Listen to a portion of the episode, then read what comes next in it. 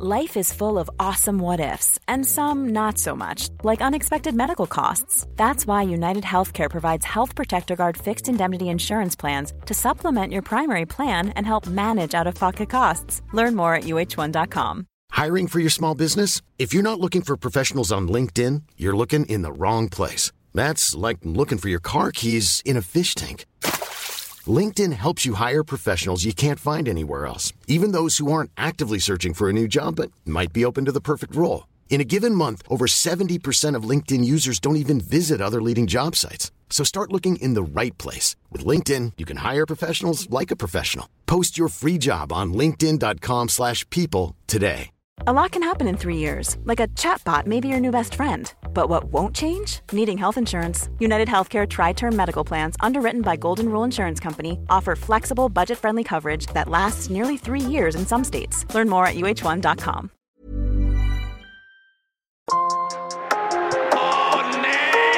Skärpta straff för. Läget är tufft. Det var en seger för Malmö FF, men en förlust för svensk fotboll. Sveriges damlandslag i fotboll är nu långt från nu krävs ett smärre mirakel. Det står fyra man ska inte få det med med frågor. Fy fan vad dåligt.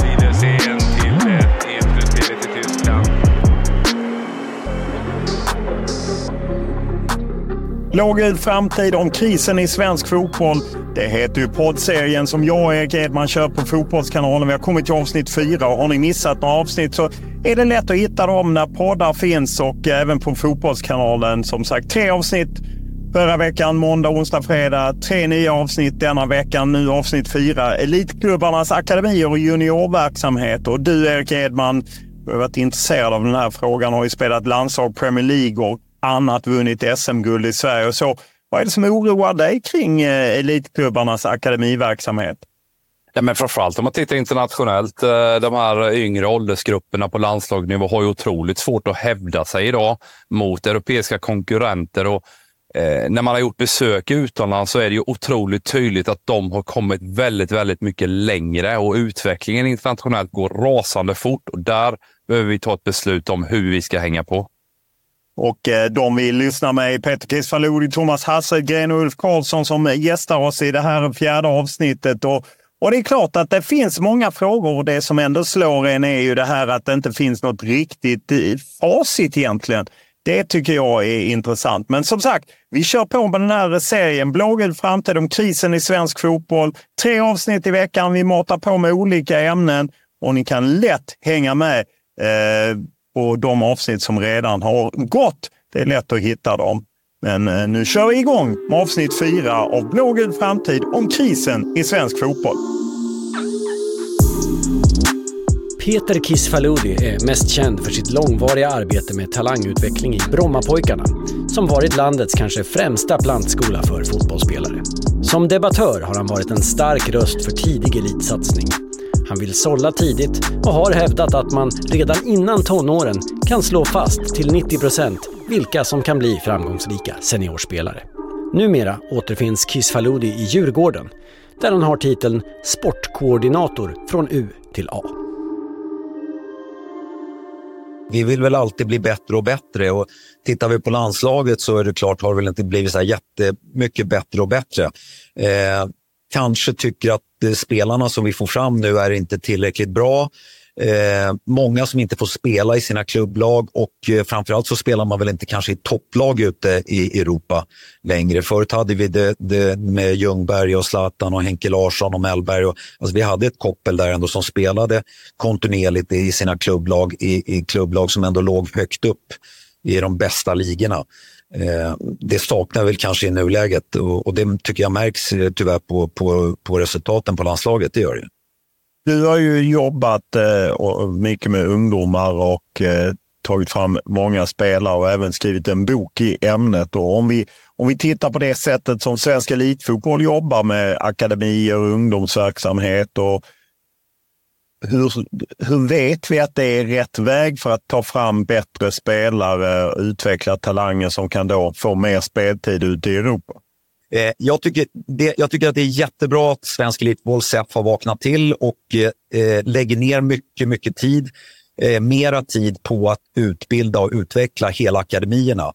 Eh, när man anställde Thomas Aspgren tycker jag det var ett stort steg framåt. Eh, och Thomas jobbar ju kontinuerligt hela tiden med att få det att bli bättre och bättre och har tittat över hela certifieringssystemet.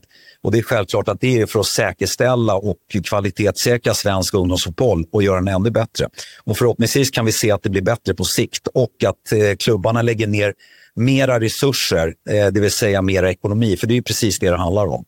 Eh, det man kanske skulle vilja se det är att man får större bidrag från förbundet, precis som exempelvis norsk fotboll får, där man, som man lägger in som bara öronmärks för att just det ska vara, eh, att de ska öronmärkas för ungdomsfotbollen.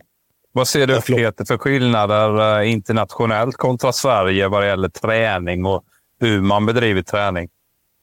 Nej, men eh, framför allt så handlar det väl om eh, resurserna såklart. Eh, när du kommer ner, eh, ner i Europa, då har de ju eh, alltså, fyra, fem, sex personer som är på träning eh, som, som tränare eh, på plan.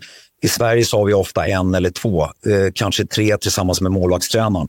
Och det är klart att kan du jobba med specifika saker över tid så blir det självklart att du blir mycket, mycket bättre på det. Du kan ju träna dessutom lite positionsbaserat mera så att säga. Är du en ytterback så kan du jobba med, med komma runt på överlappningar och, och inspel där tittar vi på svenska spelare så är vi överlag ganska dåliga på det, för vi tränar ju väldigt sällan på det. Eh, och eh, framförallt så tycker jag väl att kanske att vi tränar för lite i svensk ungdomsfotboll. Vi måste träna mera. Eh, ute i Europa så har de ett helt annat samarbete med eh, skolorna dessutom. Och det är väl det vi saknar här. Nu har det kommit mer och mer, men just att kan man träna två, tre pass på förmiddagarna och sen träna ytterligare fyra pass på eftermiddagarna som kommer upp till sex, sju pass i veckan för en, för en kille som är 10, 11, 12, 13, 14 år så är det klart att du kommer bli mycket, mycket bättre. Jag tror så här, om man tittar på Alviksskolan där jag jobbade som, som eh, eh fotbollsinstruktör under sju års tid. Där hade vi över tid då eh, Dejan Kulusevski, Viktor Gyökeres, Jola Sorro, Hampus Findell, Sinedan Injusa, Paulus Abraham, Josef Ceesay, Jesper Ceesay, eh, Thomas Isherwood, jag tror inte att det var någon tillfällighet att de blev så bra som de blev, för de kunde ju träna på, på morgnarna och dessutom gå direkt på eftermiddagarna efter skolan, käka lite mellis och sen gå ner och, och köra sitt eftermiddagspass och sen åka hem. Eh, det är ju ofta att man hamnar i frågan om att man måste ha mer resurser, men vad kan man göra för att förbättra spelarutvecklingen som inte kostar pengar? Eh, där tror jag nog att man ska lägga ner mera tid på att eh, utbilda eh, våra tränare eh, våra ungdomstränare. I Sverige så är det väl lite så här också att eh, där är det ofta föräldrar som kommer ner och gör ett fantastiskt ideellt arbete och det ska de ha en stor eloge för. Men eh, vi måste också titta på hur kan vi hjälpa dem och ge dem verktyg för att eh, jobba bättre på, med breddverksamheten. Eh, ofta så är det akademierna har ju välutbildade erfarna tränare men när man tittar på bredden och bredden är ju väldigt, väldigt stor i svensk fotboll och ungdomsfotboll och där, hur kan vi hjälpa till att göra bredden bättre? Eh, för att ofta så blir, går man inte in i akademi, kanske förrän man är 10 år, eller 11 eller 12 år. Vissa har till och med 13 år. Och det är klart att under de här åren så måste du dessutom hålla på med någon form av utbildning i din fotbollsträning. Eh, för att jag tror att annars blir det en liten lucka i träningen. Det vill säga att är det så att man eh, eh om det går i skolan ettan till trean men hoppar över ettan, då har du inte lärt dig ABC utan då får du börja med ABC när du börjar tvåan istället. Och det är ungefär samma i fotboll. att man kan få luckor i, i, i utbildningen. Eh, jag pratar mycket om att man ska träna eh, rätt träning för rätt ålder. Och där tror jag att många av våra ungdomstränare behöver hjälp. Vad är rätt träning för rätt ålder? Jag tror att eh, den gyllene åldern för teknikinlärning är 8 till 12 år och där ska man jobba oerhört mycket med, med teknikinlärning och med spelförståelse. Det tror jag. Du som ju varit verksam i, i denna världen i många år, varför är det så svårt att enas om en gemensam väg? Jag upplever att en del är kritiska till akademisystemet, andra tycker att det är bra. Att det är svårt att hitta en, en sann väg där, som alla tror på. Ja, det är det verkligen. Alla klubbar tror ju på olika saker. Men eh, jag tror ju att eh, eh alla barn ska få spela fotboll på sin nivå. Eh, det vill säga att eh, eh, älskar jag att spela fotboll, som jag älskade att spela fotboll när jag var 8, 9, 10, 11, 12, då ska jag få göra det så mycket jag vill och så ofta jag kan. Jag ska inte behöva ta hänsyn till någon som kanske inte vill träna fyra dagar i veckan för att jag vill det, fast jag är 8, 9, 10 år. Hur kan vi ge de barnen möjlighet? Men också, med det sagt, så de som vill bara spela en, två dagar i veckan, de ska ju också få göra det, det vill säga på breddnivån. Eh, och eh, hur ska man lösa det? Det är ju den stora grejen i svensk fotboll. Eh, jag tycker att eh, eh förbundets slogan där, fotboll för alla, eh, den, den ska man titta på lite bredare också. Hur kan vi ge alla möjlighet till att få spela fotboll på den nivån man vill? Det vill säga inte selektera utan däremot kanske nivågruppera på hur många gånger vill jag träna i veckan? Hur många gånger vill jag spela? Eh, det tror jag man ska kanske ha eh, och få kryssa i på ett papper och så får man veta att ah, jag får träna fyra, fyra gånger fotboll i veckan när jag är 8, 9, 10 år. Jag älskar ju fotboll, vad kul. Medan vissa kanske vill bara köra en, ett pass i veckan eller två för att de tycker att det är kul att spela fotboll ändå. Så att, och där tror jag, men det är klart, det är en stor nöt att knäcka. Jag vill in lite på det här med träning. Du, du nämner spelförståelse. Konkret, hur tränar man spelförståelse? För det är någonting som ofta nämns att det behöver vi bli bättre på jämfört med internationella motståndare. Nej, men det är klart att eh, eh jag tror att du kan jobba med det exempelvis. I, eh, det är alltid jobbigt, eller svårt att, att träna spelförståelse med 8-9-åringar för de är så otroligt små. Eh, men jag tror att eh, nummer ett i utbildningen, det, det är teknik. Eh, ju bättre teknik du har, desto högre upp kommer du spela. Eh, jag brukar också säga att det spelar ingen roll hur, hur tekniskt du är om du inte vet när du ska passa bollen i slutändan. Så att det, det, hänger ihop med det taktiska blocket, det vill säga spelförståelsen. Och eh, eh, där tror jag att kan, kan man spela lite mindre spel och dela upp och där behöver du också resurser när du är på träning. Att en pappa står där med 15, 16, 17, 18, ibland 20 småkillar eller småtjejer i, i, i 8, 9, 10 års åldern det gör det ju inte lättare med att jobba med spelförståelsen, för då kommer du inte kunna göra det. Jag tror man måste bryta ner och kanske spela lite tre mot tre, prata om att falla ur passningsskuggan, lyfta blicken och sådana enkla saker i den åldern. Och, men, och sen, eh, det är lite så här, Vissa vill ju hela tiden, äh, men i den åldern, äh, där ska vi dribbla, där ska vi utmana, för det är då vi ska lära oss det. Och det håller jag med om.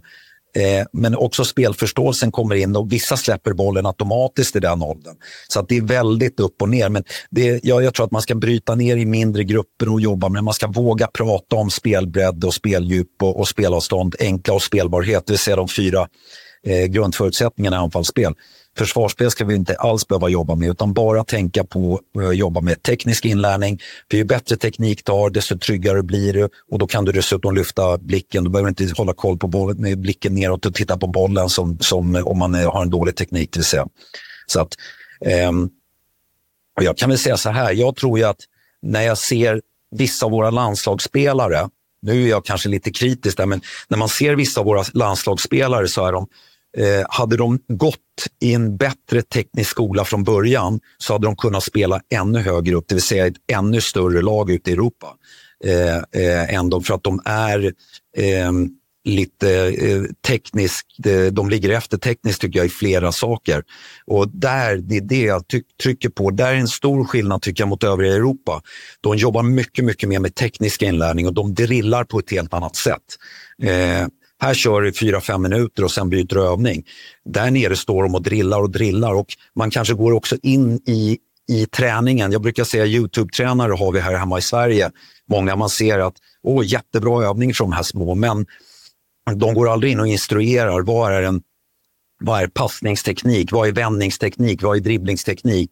Alltså de här enkla sakerna. Och där tror jag man ska bryta ner det och kunna gå in och visa för barnen så att de ser att ögat äter. Inte bara sätta igång en övning och tro att de kommer lära sig direkt, utan vi måste också ha instruktörer, inte bara eh, liksom igångsättare av övningar. Och det tror jag är en stor skillnad mot ute i Europa när jag, jag har varit runt. Om man eh, ser eh, att du haft en Kulusevski, han var ju en som var ute häromåret och ifrågasatte mentaliteten, alltså liksom inställningsfrågan, att man måste vilja mer i, i Sverige. Att uh, Han tyckte att ute i Europa är det inget spel utan det är på liv och död och får man inte bort bollen gör de mål och vi måste skärpa oss. Hur ser du på det? Finns det någon inställning som brister i, bland svenska talanger? Nej, vi kanske har det lite för bra här. Eh, jag hade ju Dejan då, jag, han var ju så duktig, han är ju född 00. Jag hade ju eh, BP's 00. Han var ju bara med oss på internationella turneringar, så var han med på några träningar. Men framförallt när jag hade Dejan, det var ju i skolan. Han kom ju redan till Alviksskolan i årskurs 4, 4 där. Alltså han gick ju där årskurs 4, 5, 6, 7, 8. Eh, och han har alltid varit en oerhörd vinnarskalle och han har älskat att träna. Och det har varit en av hans stora, stora med den talangen han har, har haft hela tiden så har han ju hela tiden velat vidareutveckla sin talang genom hårt arbete. Eh, och eh, det tycker jag har tagit honom dit han är idag. Men han har alltid ställt krav på sig själv, men också på sin omgivning man, när man spelar två mål och allting i, träning. Och, och, Jag gillar ju det eh, när man har dem, för det, de skallarna det är ofta de som klarar av att gå hela vägen. Vad är vinnarmentalitet då, Peter? Rent konkret, hur beter sig en vinnare? ja, det, det är vinnarmentalitet. Det är den som gör... Eh, ja, men man kan väl säga så här, jag tror att vinnarmentalitet är någonting som byggs upp. Eh, om du har en grupp med likasinnade eh, kids eh, på en träning som är 10-11 år. Eh, och Det här är ju svårt för dem som inte har haft eh, eh tio stycken likasinnade killar på en träning. Eh, men det är svårt för dem att förstå tror jag. För att när de här eh, tioåringarna står där. Och du vet, de, man behöver inte driva på dem speciellt för då alla är av samma lynne och kynne. Och det är klart att då blir det bra kvalitet på träningen. Eh, och de driver varandra för att de älskar fotbollen. Och de kan sitta där efter, i bilen på väg hem efter träningen och, och med, med rosenröda kinder och med gråten i halsen för de förlorade två mål. Och det är väl det som är lite så här, vad ska jag säga, Eh, deras, de, de tror på sig själva, men det är karaktärer som jobbar hårt och ger alltid hundra på träning och match. Men eh, jag, jag, tror att det som karaktäriserar, karaktäriserar en vinnare, det är ju liksom total övertygelse och lyckas hela tiden. Men de här småkillarna, de driver sig själva från, dem, eh, från första minuten på träning till sista minuten. Och, och Då sitter de där efteråt och, och är antingen jätteglada och sen när de kliver ur bilen hemma, då har det släppt. Liksom. Eh, men det tror jag liksom det är väl en vinnarmentalitet som man bygger över, över tid tror jag. Det är ingenting som man bara säger nu ska vi ha vinnarmentalitet i gruppen. Det är något man bygger upp över tid, över flera års. Bra träning, eh, bra tvåmål, bra matcher och sen är det vissa har ju det här indrivet i sig. Jag, jag har jobbat med, med, med vissa tränare och jag har haft vissa spelare som de är bara så fruktansvärda vinnarskallar så det går inte att liksom ta på. Det, varje boll ska vinnas, varje passning ska gå rätt. De har oerhörda krav på sig själva men också oerhörda krav på sin omgivning. Och Det är väl det är de karaktärerna som jag tycker kanske börjar försvinna mer och mer i svensk fotboll. Vi har ju en debatt om tabeller och serielösa eller utan, utan att räkna resultat och så vidare. Behöver man träna på att vinna i unga år? Jag, jag, jag, jag tror så här att eh, jag har aldrig tittat i tabeller. Det, folk tror ju inte på mig. Ja, det gör det visst. Nej, jag bryr mig inte om tabeller förutom den allsvenska tabellen såklart. Men eh, det jag tror det är väl så här att eh, de här det vi behöver är bättre matcher. Varje vecka måste vi få spela bra matcher. Inte liksom eh, spela en match i Sankt Erikscupen som man vinner med 10-0. Hellre spelar man 1-1 eller till och med förlorar med 1-0 men får en riktigt bra kvalitetsmatch där samtliga spelare på planen måste göra sitt allra yttersta för att lyckas. Och Det är väl här som jag tror att vi har misslyckats i svensk fotboll. Vi har inte tillräckligt bra matcher. Men det är också för att vi har för, för, för eh, Tittar vi bara i, i Italien exempelvis, alla Serie A-klubbar har ju en akademi och de spelar mot varandra. Eh, och då blir det bra matcher varje helg. Detsamma, detsamma gäller i Holland. Eh, detsamma gäller i Portugal. Alltså, förstår du tanken där? Att de får bra matcher varje helg. Plus att de åker på väldigt, väldigt bra turneringar utomlands och, och kamperar mot de bästa lagen i jämbördig ålder. Mot de bästa lagen ute i Europa i jämbördig ålder. Och det är väl någonting som vi, vi börjar ta mer och mer eh, in faktiskt. Eh, eh akademiklubbarna. Eh, BP har gjort det under flera år, Hammarby har gjort, gjort det, eh, Djurgården har gjort det, AIK har gjort det och Malmö har gjort det. Sen vet jag inte hur de är de andra, men det ligger dessutom i utbildningsplanen att man ska åka på, på två till tre bra internationella turneringar beroende på vilken ålder man är. Åker man på en eller två eller tre? Och det tror jag är viktigt. Om du ser på eh, svensk elitfotboll som då basar på de 32 eh, elitklubbarna och liksom satsningen på akademi och så. Vad är vad är tre viktiga saker framöver för dem att göra för att höja? Eh, för att höja svensk fotboll menar du? Ja. Eh, jag tror att utbilda fler ideella föräldrar inom ungdomsbollen. Eh, jag tror att eh, eh, alla klubbar måste ha en bra utbildningsplan på hur man utbildar ungdomar. Det vill säga rätt träning rätt ålder. Eh, och sen så eh, tror jag att man, med, jag pratar inte om att man ska selektera, men däremot tror jag att man måste nivågruppera. Som jag pratade om förut, att de som är intresserade måste få spela fotboll och de måste få träna med varandra så man får kvalitet. Det är klart att eh, eh vi kommer alltid få fram en Jesper Blomqvist från Tavelsjö. Han kommer komma, absolut. Men eh, ska vi ge den breda massan större möjligheter, då tror jag att man måste nivågruppera träningen. Eh, och eh, alla som vill träna och spela mycket fotboll ska få göra det. Jag återkommer till det hela tiden. Jag tycker vi ska träna mera. Vi ska ha mera samarbete med skolor och eh, klubbarna så att man kan träna flera pass. Eh, vi ser nere i Belgien hur det lyckas. Jag vet att Anderlecht har två skolor. De två skolorna måste samtliga barn gå på. Och de tränar ju tre pass på förmiddagar och sen kör de fyra eh, från tio års ålder, fyra eftermiddagspass. De kör alltså sju fotbollspass i veckan. Och, eh, och de, de, där jobbar de extremt mycket med teknisk inlärning. Eh, där har resonerat att ju bättre teknik du har, desto högre upp kommer du kunna spela.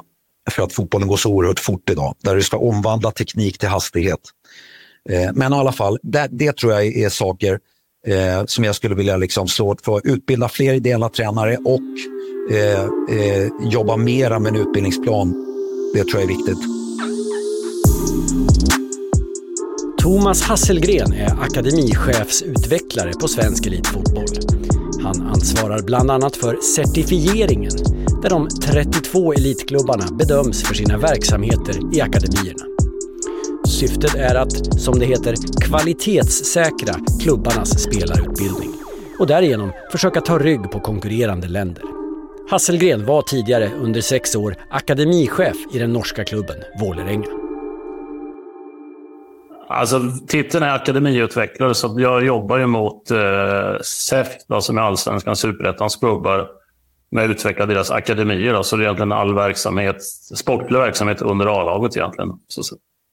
Eh, bland annat eh, så eh, vet jag att ni har kört ett elitprojekt eh, 2020 till 2023 på en mängd olika områden. Vad känner du att det har gett er?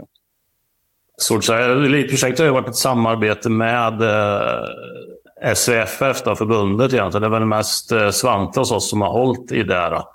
Men, men det är en del delar. Jag har ju hållit mer i, i så så fortbildningar i det som vi kallar Unicoach-konceptet. Då. Eh, och vi kommer säkert in och prata om det här med certifiering och vad vi gör mot akademin med fortbildning och sånt. Så det är mitt ansvarsområde där. Så att säga. Eh, det blev ju lite liv här om året när Dan Kulusevski var inne och ifrågasatte eh, svensk ungdomsfotboll lite. Att han eh, lite mer har liv och död som han upplevde ute i Europa. Hur, har han rätt eller är han helt ute och, och ja, famlar efter något som inte är korrekt?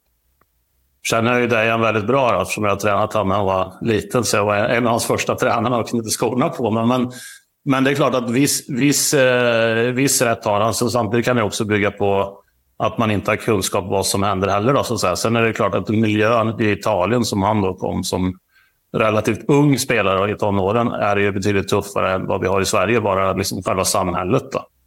Och det präglar väl också fotbollen till viss del, att det är tuffare när man kommer utanför ja, Sverige eller Skandinavien, då ska man säga. Att det blir tuffare. Eh, ibland kan man ju känna, eh, åtminstone utifrån sett, eh, att det blev väldigt mycket Ja, men vi får inte göra på ett visst sätt i Sverige. Det blev ju snack om tabeller eller serier eller sådana saker. Jag gissar att, att om man tittar neråt som du gör, spelar det någon roll överhuvudtaget eh, om man har tabeller eller serier eller eh, bryr sig folk inte eller barn eller ungdomar?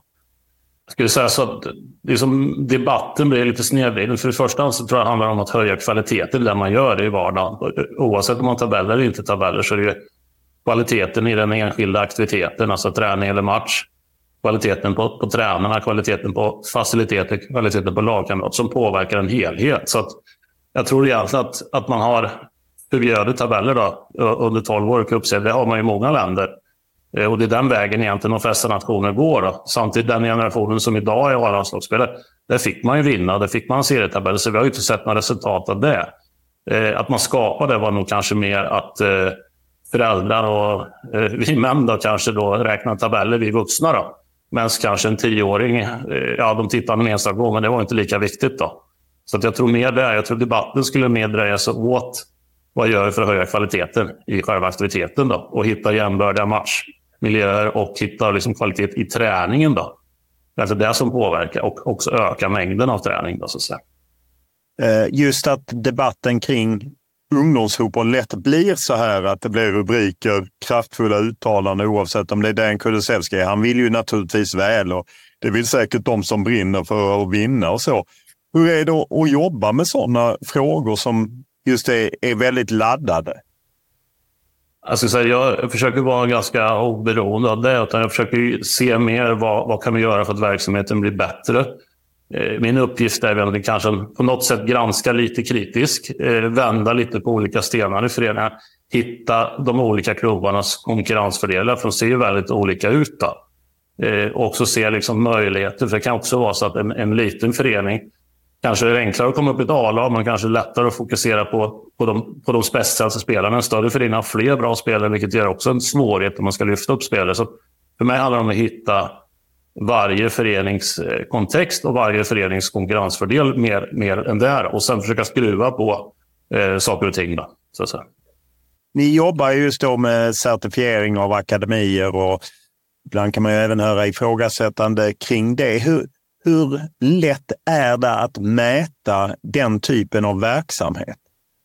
Det är ju jättesvårt. Det är ju liksom ingen, men det är ju inget facit och föreningarna ser ju olika ut. Jag skulle säga så att vi gjorde om modellen här eh, till eh, 2022. Eh, vi startade egentligen med, med modellen 2012 och då var svensk fotboll ganska tidigt ute. Det var en modell från med en bakgrund från Holland egentligen. Idag har ju de flesta nationer en, någon form av certifiering av sina klubbar. Då. Och man ser också de länder som har tagit steg, till exempel Norge har ju skruvat eller kommit till senare med sin modell. Och danskarna gjorde en 2.0 och England säger också att det påverkar väldigt mycket. Då.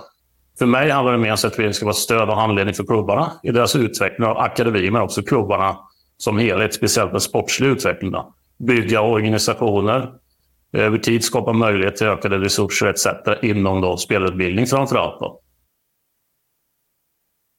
Eh, om man eh, tittar på, på det här eh, certifiering och så, så i Sverige sneglar vi mycket nu på Norge och Danmark. Det är så lätt att leta efter exempel där man tycker att de gör det bättre. Det skjuts till mer pengar i, i norsk fotboll på talangutveckling. Danmark har man jobbat mer och, och så.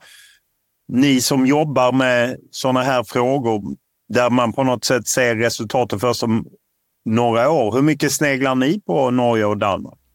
Jag skulle säga att när vi gjorde den nya modellen så jobb, det tog 14 månader att jobba fram den här 2.0. Eh, så tittar vi på andra länders certifieringsmodeller. Först utvärderade vi det vi hade, för det finns ju många bra saker i svensk fotboll också. Det ska vi inte glömma bort. Och vi, vi var ju ändå i kvartsfinal i, i VM 2018. Eh, så, så, att helt eh, mörkt är det ju inte heller. Då, så att säga. Men, men vi tittar väldigt mycket på egentligen haft både den norska och den danska modellen nära att titta på, men även England, Tyskland och andra nationers eh, modeller när vi gjorde den här. Jag har ju själv en bakgrund där jag varit i Norge i åtta och ett halvt år och var med på liksom den resan eh, innan jag kom tillbaka till Sverige för drygt tre och ett halvt år sedan. Så, så att vi har tittat väldigt mycket på vad de gör. Jag skulle säga idag med den 2.0 certifieringen vi har så är den ganska lik både Norge och Danmark. Då. Sen är det några små nyanser. Då, och specifikt för, för Sverige som, och andra saker som naturligtvis i Norge och Danmark. Då. Men det är många likheter och många grejer är egentligen bara direkt överförbara. Så att säga. Rent konkret, då, vad, vad är det du tar med dig från Norge där du känner fan det här är de helt rätt på det och det kan vi utveckla i Sverige? Ready to pop the question? The jewelers at BlueNile.com have got sparkle down to a science with beautiful lab-grown diamonds worthy of your most brilliant moments. Their lab grown diamonds are independently graded and guaranteed identical to natural diamonds, and they're ready to ship to your door. Go to Bluenile.com and use promo code LISTEN to get $50 off your purchase of $500 or more. That's code LISTEN at Bluenile.com for $50 off. Bluenile.com code LISTEN. One size fits all seems like a good idea for clothes until you try them on. Same goes for healthcare. That's why United Healthcare offers flexible, budget friendly coverage for medical, vision, dental, and more. Learn more at uh1.com. Quality sleep is essential. That's why the Sleep Number Smart Bed is designed for your ever evolving sleep needs. Need a bed that's firmer or softer on either side? Helps you sleep at a comfortable temperature? Sleep Number Smart Beds let you individualize your comfort so you sleep better together. JD Power ranks Sleep Number number 1 in customer satisfaction with mattresses purchased in-store. And now, save 50% on the Sleep Number limited edition Smart Bed for a limited time. For JD Power 2023 award information, visit jdpower.com/awards. Only at a Sleep Number store or sleepnumber.com. Bra fråga. Alltså jag, först tycker jag att de har ju resurssats väldigt mycket, klubbarna, och ett större liksom, eh, centralt stöd. Vilket gör att klubbarna har möjlighet att anställa fler personer. Då. Sen ska ändå sägas att eh, Malmö AIK har ju fler eh, heltidsanställda än vad den klubben i Norge som har flest heltidsanställda. Så det är inte liksom våra fan på väggen då, om man jämför Sverige och Norge. Då. Men, just det här att, ska, att få resurser, att, fotboll, att de som är ungdomstränare faktiskt är tränare, så man inte är eh, brandman eller polis. Eh, eller att man är heltidsanställd i föreningen och gör tusen andra aktiviteter. Jag tycker också att man har, mm, har varit väldigt långt fram när det gäller analys och eh, alltså videoanalys eh, och statistik. Eh, jag tycker också att man har varit långt fram när det gäller sån ja, individuell belastning, man säger load, och man, säger, man jobbar med GPS och, och, den biten, där ligger man långt framme. I det fysiska, man är ju väldigt sån präglad av att man är duktig i många individuella vinteridrotter i Norge och det har också överförts på, på fotbollen. Då. Eh, och det som jag säger när vi jobbar med spelutbildning, det är ett maraton, det är inte ett sprint. Och det, det vi gör idag det är ett resultat av vad som kommer om tio år. Så om landslaget presterar dåligt just nu, då, har gjort en, en, en, en period nu, så är det inte det på grund av akademin är dålig idag, utan det är ett jobb man gjorde kanske för tio år sedan som inte var bra. Så det är väl det, är väl det jag tagit med mig.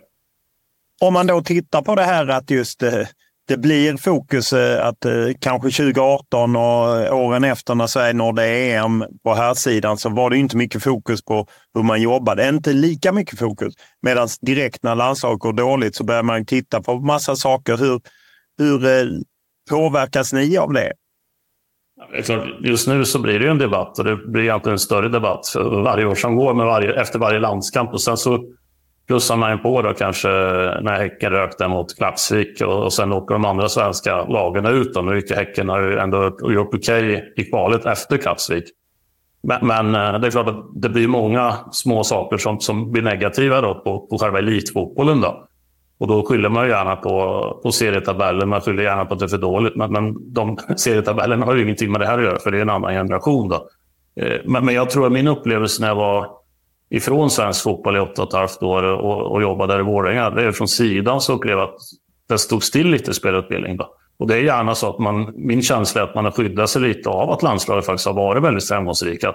Om vi har jobbat så här i många år, det har fungerat för oss.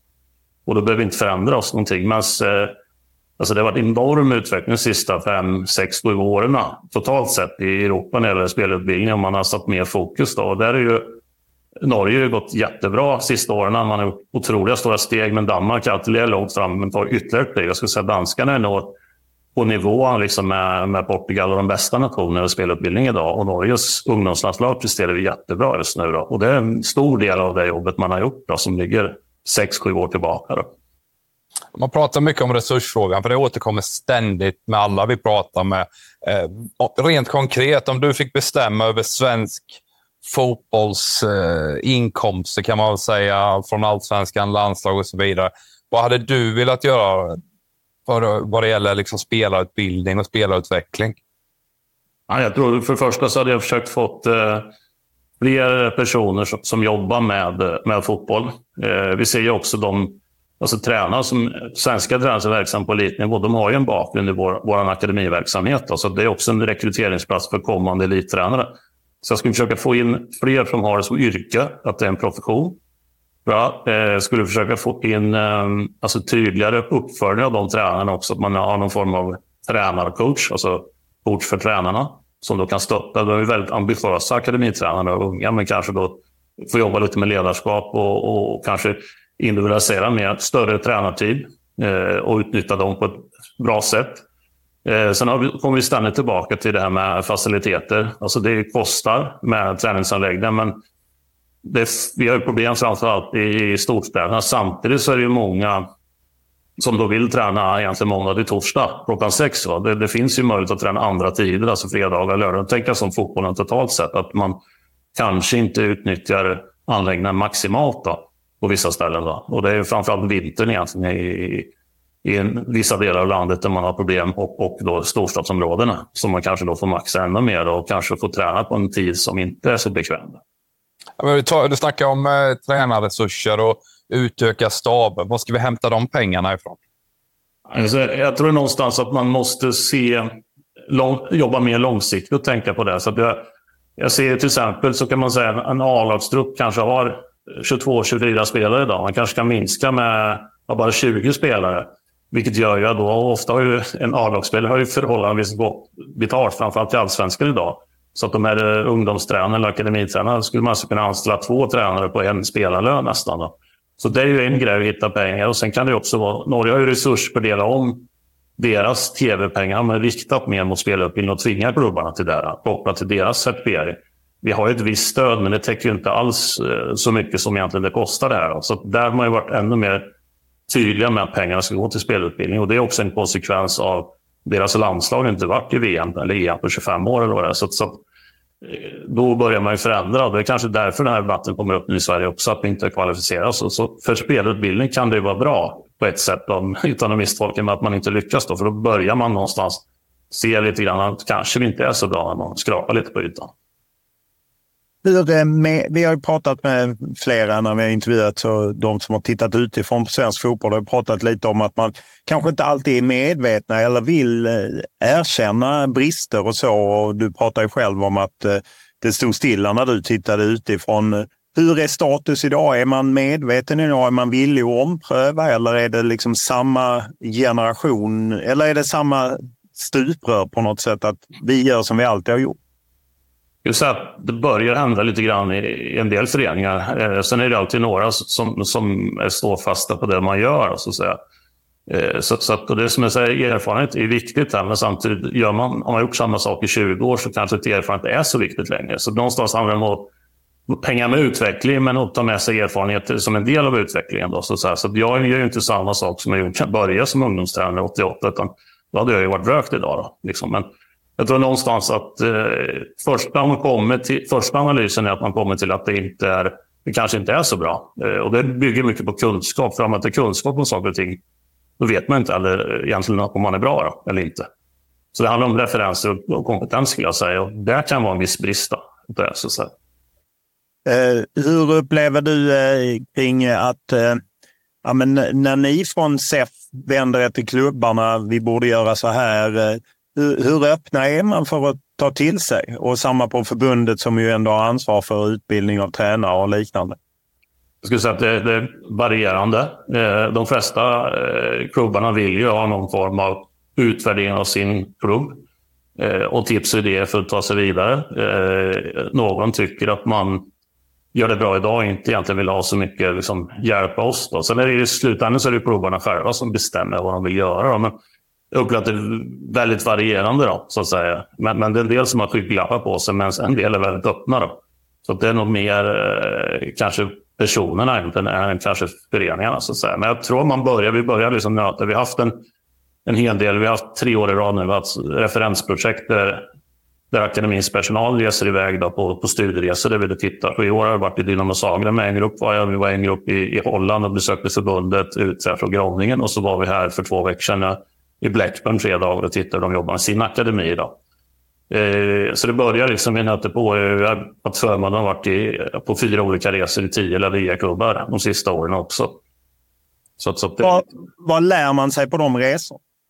Ja, dels, så är det, dels så är det ju blandat från olika klubbar, vilket gör att det blir ett eh, erfarenhetsutbyte mellan dem när man diskuterar. Vi gör så här och vi. Och sen så det, kommer det upp saker och ting. I Spanien till exempel är ju extremt duktiga på det här med att använda tränarteamen. Och, och de har ju någonstans, även på liksom yngre lag som de tränar till, någonstans mellan 4 till 13 tränare. Så man säger att Levante och Alaves de kanske har fyra tränare på fältet på varje åldersgrupp. Medan Atletico Madrid ligger någonstans 10 till 13 tränare och de utnyttjar dem maximalt. Det är ju som jag säger ibland i Sverige kanske man är tre, fyra tränare, men det är en som leder och tre som står och småpratar och dricker kaffe.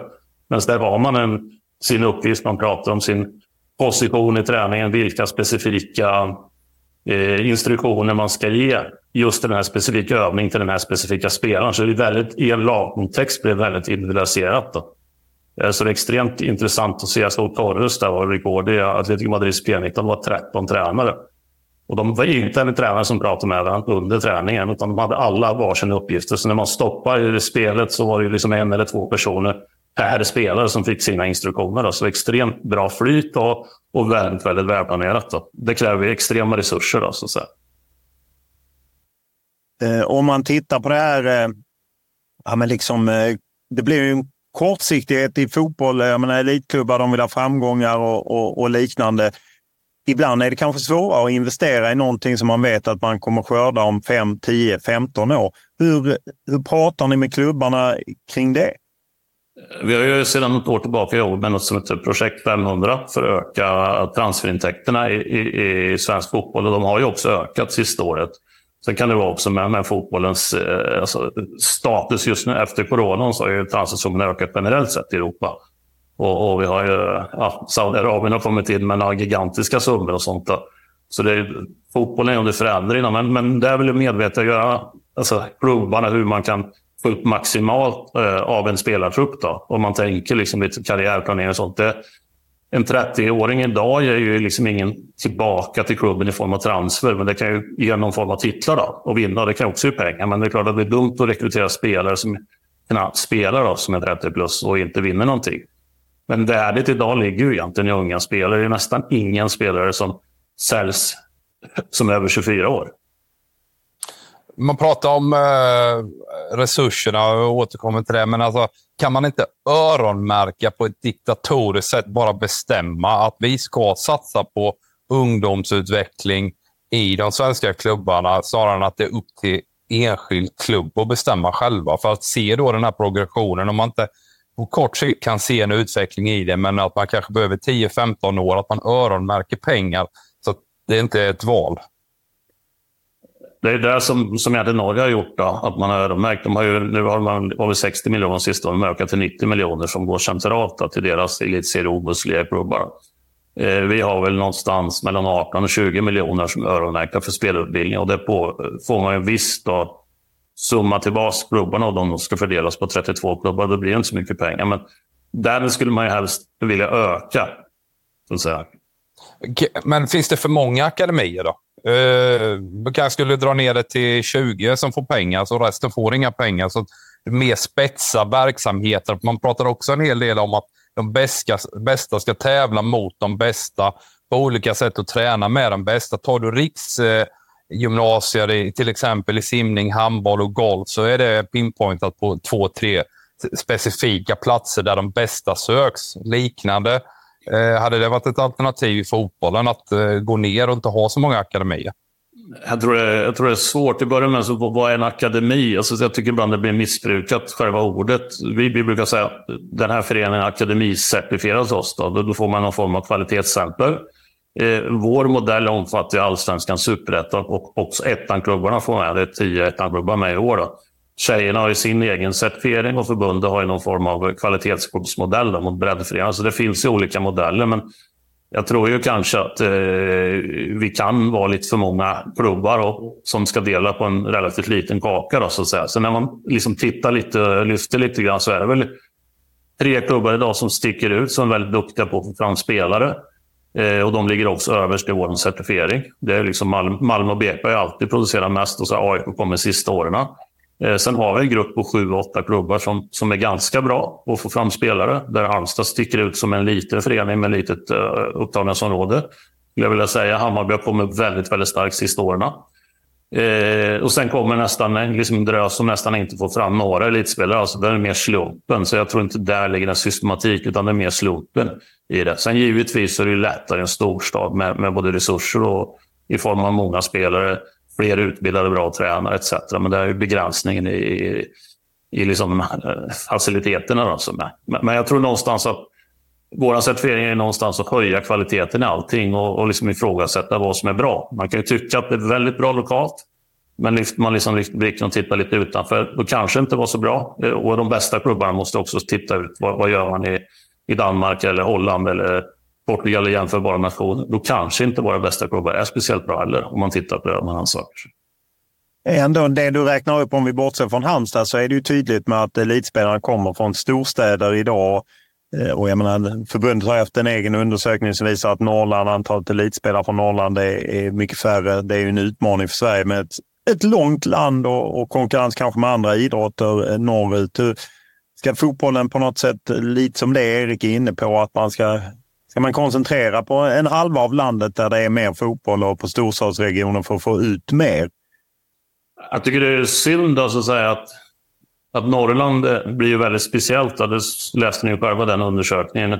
Det går ju mycket på facilitet. Samtidigt är det så jag tycker inte man ger dem riktigt chansen heller, de här spelarna. För jag, jag pratade till exempel med, med en förening i Hälsingland här för två år sedan. Alltså, de tränar ju inte på vintern med sina, upp till sina 14. De börjar träna först när de är 15 år. Det gör ju liksom att från de är 8 till de är 14 år, de 6-7 åren, då tränar man två pass i veckan, max från maj till september. Men sen motsvarande spelare, oavsett om man ska bli elitspelare eller spela division 7 eller spela piano, han tränar tre, fyra gånger i veckan året runt. Så det är klart, de tränar nästan dubbelt så många mer träningar eh, per år. Och då blir också kvaliteten högre där. Så jag tror någonstans att börja titta på att höja aktivitetsmängden. Och jag ser ju liksom här, som jag flyttat tillbaka till Karlskoga, det är ju, man tränar fortfarande lika, om ska säga, lika dåligt eller på samma sätt eller lika lite som jag gjorde på 80-90-talet. Och fotbollen har förändrats. Det är enormt mycket mer konkurrens. Så någonstans så ger vi inte de här chansen och det, det är lite, lite trist faktiskt. Och det handlar inte om selektion. Det handlar mer om att höja kvaliteten. Först kvantiteten och sen kvaliteten, skulle jag säga. Hänger det bara ihop med att eh, man inte har hallar och anläggningar? Eller skulle man kunna höja frekvens eh, och eh, på träning även utan hallar? Ja, jag skulle säga så. Till viss del kan man säga att Norrland på vintern är en utmaning när, ja, om man ska konkurrera med innebandy eller handboll som går in i en sporthall då, om man inte har en fotbollshall. Då. Men man kan lika gärna spela i futsal eller vad som helst. Då. Men jag skulle säga att det handlar lite grann om att vara smart i organiseringen. Man kan öka träningsmängden. Exempelvis kan det vara att en, en liten, nu pratar jag liksom generellt all, all svensk fotboll, det är att jämna åldersgrupper, 10, 12, 14 och tränar måndag, onsdag och 11, 13, 15 tränar tisdag, torsdag. Men det är också möjligt att träna med ett, lag, ett, ett äldre eller yngre lag de andra dagarna. Och så kan man också ha gemensamma träningar, till exempel av fredag lördagar. Där inte så många vill träna. Då blir det en naturlig selektion för de som är mer intresserade. Skapa möjlighet att träna mycket mer för att öka träningsmängden. Det är där någonstans man måste börja. För. Och det handlar om organisering. Det behöver inte kosta något mer. Det är bara att vara smart när man planlägger det, det, man ser också bland unga spelare är individuell träning. Både att liksom föräldrar eh, betalar någon tränare som kör extra och det finns ju anläggningar. Eh, Anders Svensson har ju satsat på det bland annat. Det har väl få missat och så. Vad betyder individuell träning för, för svensk fotboll? Då är det viktigt. Sen, sen, så blir det ofta missuppfattat av individuell träning. Alltså, det, många tänker att det är att man står och nöter massa teknik i isolerad form. Men eh, det är det jag menar, att får man större tränarteam som typ Spanien, då kan man individualisera i en lagkontext. Eh, jag var ute och certifierade. Jag var i, 12-13 klubbar i fjol, de större föreningar. Så alltså var jag på Spenington-träning där bland annat, som var, eh, var precis likt som du skulle åka ner i Spanien och titta en träning. När organisationen det var sju, sju tränare på fotbollsplan. Och de fick ju, de var smågrupper, två, tre, fyra spelare som fick instruktioner med väldigt bra instruktörer. Då, med både Jevtusjenko och Henok och etc. Där. Så, så det var ju liksom jävligt hög kvalitet. Kan vi få fler sådana grupper så kommer det komma fram bra spelare. Det är jag helt övertygad om. Sen kan det ju vara, tror jag, så att man kan ju ge lite genvägar eh, om man inte har så många tränare, att kanske öka matchaktiviteten i yngre åldrar. För det ser vi också att det finns ju några sådana här pop-up-klubbar. Eh, hade en i eh, Maja FC som är viktig inom BP här, B16. De, spelade, de, hade inte, de tränade bara två dagar i veckan, men de spelade ju fan i två, tre serier och på alla turneringar. Då. då hade det här laget i Blekinge, jag kommer inte ihåg vad det heter, som Rooney kommer ifrån. Det är massa spelare från, den, från det här laget i små miljöer som har liksom tränat mer och framförallt haft en väldigt hög matchfrekvens. Då. Eh, så, så att liksom, och jag ser ju bara lokalt här, när jag, när jag började som ungdomstränare. Liksom, det fanns ju åtta, nio turneringar. I, i vår lilla region så är tioårslag att spela. Idag kanske det finns en eller två delta. Så aktivitetsmängden och matchmängden är mycket mindre. Och det har ingenting med selektion att göra egentligen. Du nämner Roni Badaji som ju tillhör FC Köpenhamn. Hur är, hur är risken att, att man tappar fler spelare än honom i den unga åldern om man inte kan erbjuda tillräckligt bra miljöer? Eh, jag tror väl som sagt var att dels har det, har det ju pågått många år, liksom, men nu, nu stoppar det väl upp lite England med brexiten, för de var ju liksom en, en marknad som var, var, väldigt tidigt på. Sen har väl Holland varit ett ställe där många unga svenska spelare söker. Så sista åren har ju, har ju danska klubbarna haft en, en, en större internationell eh, rekrytering. Eh, samtidigt kan man säga att många tittar på Danmark och säger att de är duktiga. Jag tycker att de är jätteduktiga, men när man skrapar lite på ytan så är det ju hur bra är det för dansk fotboll att Nordsjällands P19 har fyra danskar och resten utländska spelare från 60 nationer? Gynnar det dansk fotboll? Det är klart att de här fyra danska spelarna får en väldigt, väldigt bra träningsvardag och matchmiljö. Men eh, alltså, det är väldigt få som gör det i förhållande till där investerar. Då. Och samma sak ser det ut i FCK och, och Midtjylland. För att de investerar så mycket pengar så måste de hitta bra spelare som man kan få eh, pengar tillbaka så, så börjar man rekrytera internationellt. Då. Så den vägen, det finns ju, det är inte bara positivt med att man investerar mycket pengar och hämtar spelare utomlands före A-lagsnivå. Men vad kan det betyda för svensk fotboll? För menar, nej, det är negativt för dansk fotboll, men om man tänker på svensk fotboll, att, att svenska klubbar tappar talanger som man då inte, som förädlas i antingen eh, Nederländerna eller i Danmark och så tar de vinsten när de säljs. Du säger ju egentligen sista meningen där att risken är att vi, eh, vi blir bars, bars, alltså inte får några pengar. För att när de går som 16-åring in till, ja, säg, säg Nordkällan då, så, så är det inte jättemycket pengar. Är det inte. Men hade de då varit kvar kanske två år till i Kalmar FF och fått eh, 20 allsvenska matcher, då hade det kunnat gått för, lagt på en nolla bakpå egentligen. Då. Eh, så det gäller någonstans att, att få dem in relativt tidigt på en relativt hög seniornivå. Men de ska vara tillräckligt bra så att vi får in mer pengar i, i själva liksom näringskedjan. Då. För det ser man också, då börjar också transfern öka när de väl går och lyckas också. Så, så någonstans så är det några som måste bana vägen. Då. Och det ser man i transfersummorna. Och sen 18-årig dansk eh, ungdomslandslagsspelare som är uppfostrad i Danmark ger mycket mer pengar än en motsvarande svensk spelare. För att de har ett större värde på sig. De behöver inte vara bättre egentligen. Du pratade om att, att göra A-lagstrupperna mindre lite grann för att öppna upp möjligheterna för, för ungdomsspelarna. Kan man göra fler saker för att minska det här glappet mellan U och A?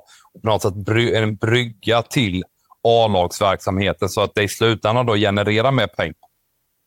Så att vi, I den nya certifieringen, det var en analys vi gjorde också, att av vår gamla modell så stoppar liksom allting upp från 19 år, så var det liksom ingenting.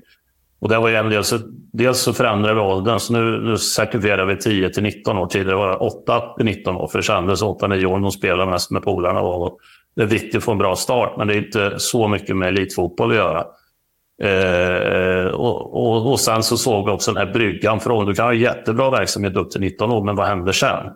Och då införde vi då den övergången som en del av certifiering, alltså från att, bli, från, från att vara akademispelare till att bli en fast A-lagsspelare. Så det har vi infört.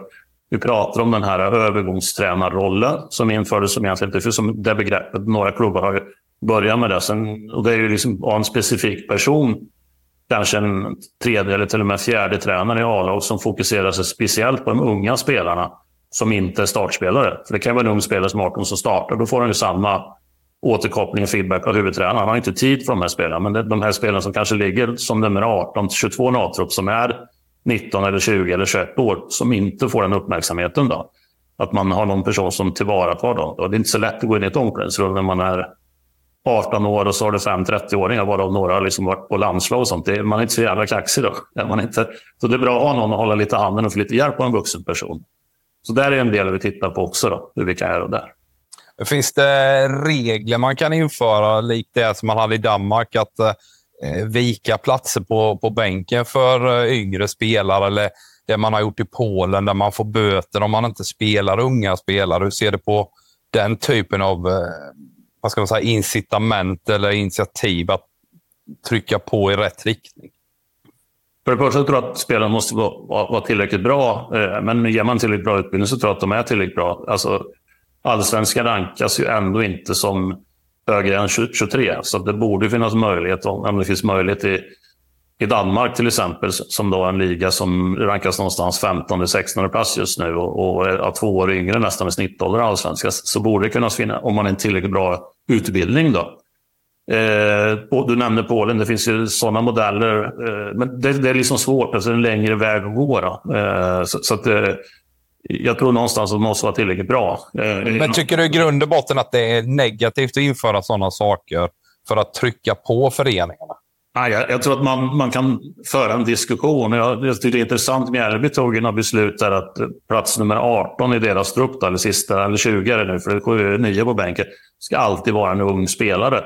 Och det, gör man, det skapar också en möjlighet om man har 18-åringen på bänken. Leder man med 3-0 eller ligger under med 3-0 så kan man kasta in den 15 minuter istället för han 25-åringen som har erfarenhet. Då. Så jag, jag, tror inte att det, de diskussionerna är intressanta att ta, tror jag. Att man måste våga ta det också. När vi eh, tidigare i den här poddserien intervjuade Stefan Alvén som är sportchef på Elitfotboll Dam så pratade han om hur viktigt det var att liksom förbund, EFD och, och förhoppningsvis då klubbarna, att alla liksom drog åt samma håll. Hur, hur viktigt ser du det? För jag menar på något sätt Malmö FF och Halmstad BK, de ska ju göra sitt för sina medlemmar.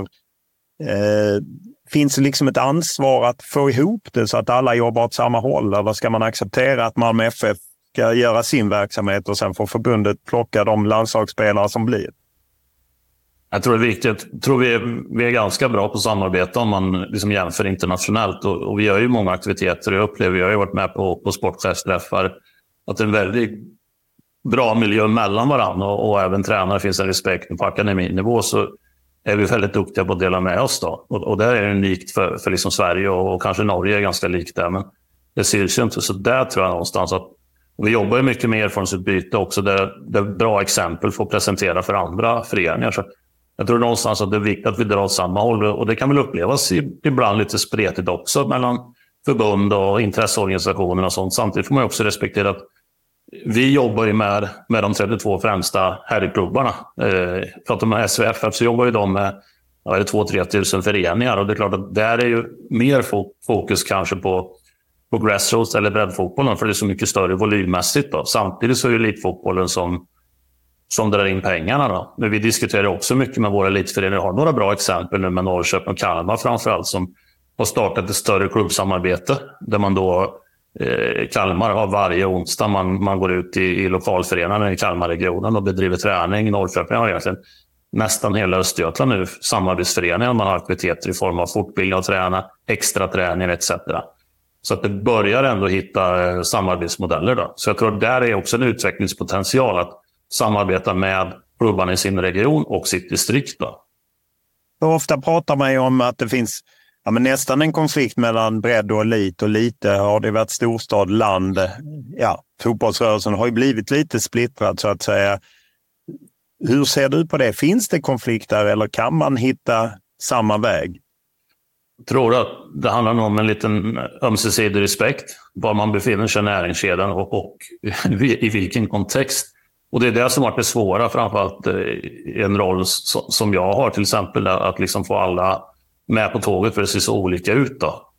Eh, och det är samma med den certifieringsmodell vi har satt, så är det väldigt svårt för att när vi värderar då Brommapojkarnas ungdomsverksamhet så har vi 4 500 barn och det ska någonstans inkluderas. Som Mjällby kanske har 100 barn, men kanske knappt får ihop ett, ett ungdomslag för det finns inte så många människor där för man liksom börjar rekrytera. Då. Så där, det är ju en, en utmaning i sig att det ser så olika ut. Och samtidigt är det lite av eh, tjusning också tycker jag. Men, jag, men, men det är klart, jag håller med om att det finns, finns en del konflikter. Men, men samtidigt så tror jag man måste förklara och ha förståelse för att det ser olika ut. Vilka tre saker blir viktiga för svensk fotboll så att vi inte om tio år sitter här och, och säger att varför gjorde vi ingenting eh, när det nu har varit liksom på här sidan två missade mästerskap i rad som ju faktiskt inte hänt sedan Tommy Svenssons dagar. Jag skulle säga först så tror jag, sån, och det är generellt det är inte bara våra, våra föreningar i SEF. Jag tror att vi måste träna mycket mer före 15 års ålder, eller 15 år yngre. Alltså när jag tittar som Sevilla till exempel, nu är det en elitförening, men de tränar ju fyra pass när de är 8 år, men de tränar också fyra pass när de är 19 år. Så det vi gör är egentligen före 15 års ålder, som i princip alla föreningar tränar mindre, och så tränar vi egentligen mer. Och då är det egentligen för sent, då har tåget redan gått. Då. Eh, ofta skyller man ju liksom på brister och anlägg och sånt, men det kan vi hitta möjlighet att kunna erbjuda de som vill ha mer aktivitet. Det kan ju vara barn som, som vill träna mer och kan vara barn som tycker det är lagom. Då är det väl okej. Okay. Det är liksom en grej att träna mer eh, och så öka, skapa möjlighet att kunna träna mer och så skapa möjlighet att eh, träna spontant också. Då. Hitta ytor på vintern eller hitta små sådana här planer som man pratar på Island om att man har med kulanplaner. Jag tycker också, som vi är inne på tidigare, förbättra villkoren och status för våra tränare. Ge dem förutsättningar att vara tränare. Som jag sagt, idag lägger de ner extremt mycket jobb under väldigt många timmar på väldigt få personer. Och även våra elitföreningar, de har en heltidsanställd P15-tränare, men han står helt själv där. Så han har inte bra förutsättningar att lyckas. Eh, att vara en bra tränare. Så det handlar mer om att få det. Och sen så tror jag också i, i, i just själva tränaren att få den här någon form av tränarutvecklare. Vi kallar det utvecklingschef. Eh, eh förbundet kallar det fotbollsutvecklare som då stö, ger stöd till de här tränarna och coachar tränarna så att man jobbar efter klubbens filosofi. Så det är liksom träna mer tränarna och sen skulle jag säga att klubbarna måste bli bättre på spelarlogistik. Vad söker vi? Hur ska vi skapa utrymme för unga spelare? Har vi en tydlig karriärplan för den här spelaren? Följer vi upp spelarna tillräckligt med utlån? Vi jobbar med utlån, men utlån ska inte vara ett sätt att bli av med en spelare på en A-lagsträning och så, så ta tillbaka den ett halvår senare och säga att han var inte bra nog. Utlån ska faktiskt vara en möjlighet att han ska vara närmare A-laget när han kommer tillbaka. Så det handlar någonstans om att kunna se karriär, hjälpa spelarna riktiga karriärväg så att man inte går från eh, en allsvensk förening till, till en Premier League-klubb och så blir man sittande på bänken och så är man borta kanske bättre att gå via en, eh, en mellanstor klubb och sen kunna gå ett, ytterligare ett steg. Då. Så säga. Det, för mig är det ju de tre grejerna jag skulle säga. Fördelningen av pengar är en central fråga för svensk fotboll. Hur mycket ska gå till elitklubbarna och deras talangutveckling och hur mycket behövs till alla andra? Ulf Karlsson har ett förflutet som elitspelare i Häcken och efter det som tränare och utbildare inom Göteborgsfotbollen. 2022 var han drivande i Göteborgsmotionen som skakade om förbundet. Karlsson ville att elitklubbarna skulle dela med sig av kakan till breddföreningarna. Eh, jag ser saker som är oroande i den svenska fotbollen. Och eh, jag ser väl det både i numerären eh, och, och som en konsekvens av det då också i, i kvaliteten på, på svensk fotboll. Ni från Göteborg har haft olika synpunkter, inte minst på akademier och liknande, att ni har velat strukturera om er verksamhet för att ni inte uppskattar akademier. Nej, vi, vi, har, eh, vi har ju också sett baksidan av akademier, att, att eh, man tar till sig väldigt mycket, mycket unga, eh, i första hand på pojksidan då, men, men bakom det gör ju också att, att många lag, eh, när, när de bärande spelarna lämnar, så försvinner ju också många lag som en konsekvens. Man, man, tapp, man tappar kvalitet vilket gör att de eh, killarna som är kvar tappar lite i lusten och det, resultaten blir mer ojämna. Och, och, och, och, det tycker vi att man måste väga in. Eh, och, och det, också, det slår också hårt på det, alltså, den klassiska svenska modellen med att man via tidigt A-lagsspel, att man kommer upp då, att man stannar i föreningen längre. Och om det blir så att föreningar alltså, så att säga, får ett hål under sin seniorverksamhet så att äldsta andra ungdomslaget är 14-15 får du ingen egen rekrytering eh, och spelar upp och på sikt så hindrar ju det också. Alltså det gör ju också att seniorverksamheten blir väldigt utsatt. Så, och vi, vi tycker väl att man måste värdera Alltså bägge, att man måste eh, värdera de konsekvenserna det får. Hur ska man istället agera än att då, som svensk elitfotboll på här sidan driver väldigt mycket kring akademier och certifiering och liknande. Hur ska man på något sätt eh, lösa, de tycker att det är rätt väg att gå. Hur tycker ni att man ska ta fram spelare till svensk fotboll? Vi hade, det, det var två motioner som lämnades in. Eh, en kring det här monetära systemet som jag tror att vi återkommer till då.